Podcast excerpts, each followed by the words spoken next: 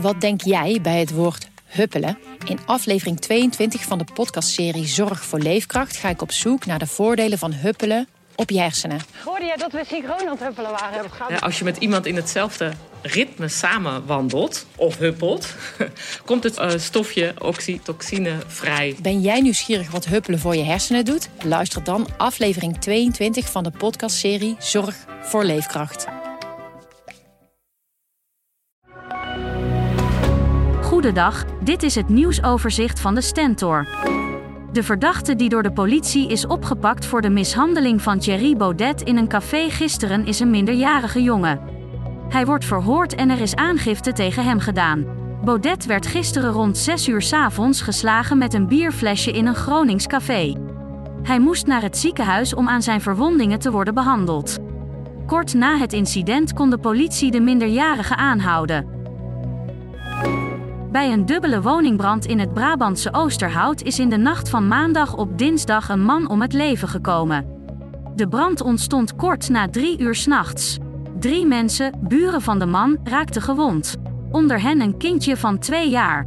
De politie houdt sterk rekening met brandstichting. Het was een opvallend tafereel afgelopen nacht langs de provinciale weg tussen Stroe en Garderen. Politie, brandweer en marechaussee dronden daar samen rond vijf gedumpte witte zakken die tegen het hek van de Major Mulder-kazerne stonden. Terwijl twee mannen in witte pakken en met maskers op de boel onderzochten. In de zakken zat een soort poeder, maar het was ter plekke niet duidelijk om wat voor substantie het ging, zegt Stan Verbergt, woordvoerder van de marechaussee. Voormalige vakantieparken omvormen tot woonwijken is voor veel gemeenten nog altijd onbespreekbaar. Daarbij wordt vaak aangevoerd dat het terrein zijn recreatiebestemming moet behouden en dat daarvan afwijken geen optie is. Maar als het aan de Tweede Kamer ligt, wordt de drempel om in een vakantiehuisje te wonen juist verlaagd. Ook als gemeenten dat niet direct zien zitten. Ons doel is dat er straks een serie landelijke voorwaarden op wordt gesteld, zegt VVD-Kamerlid Peter de Groot.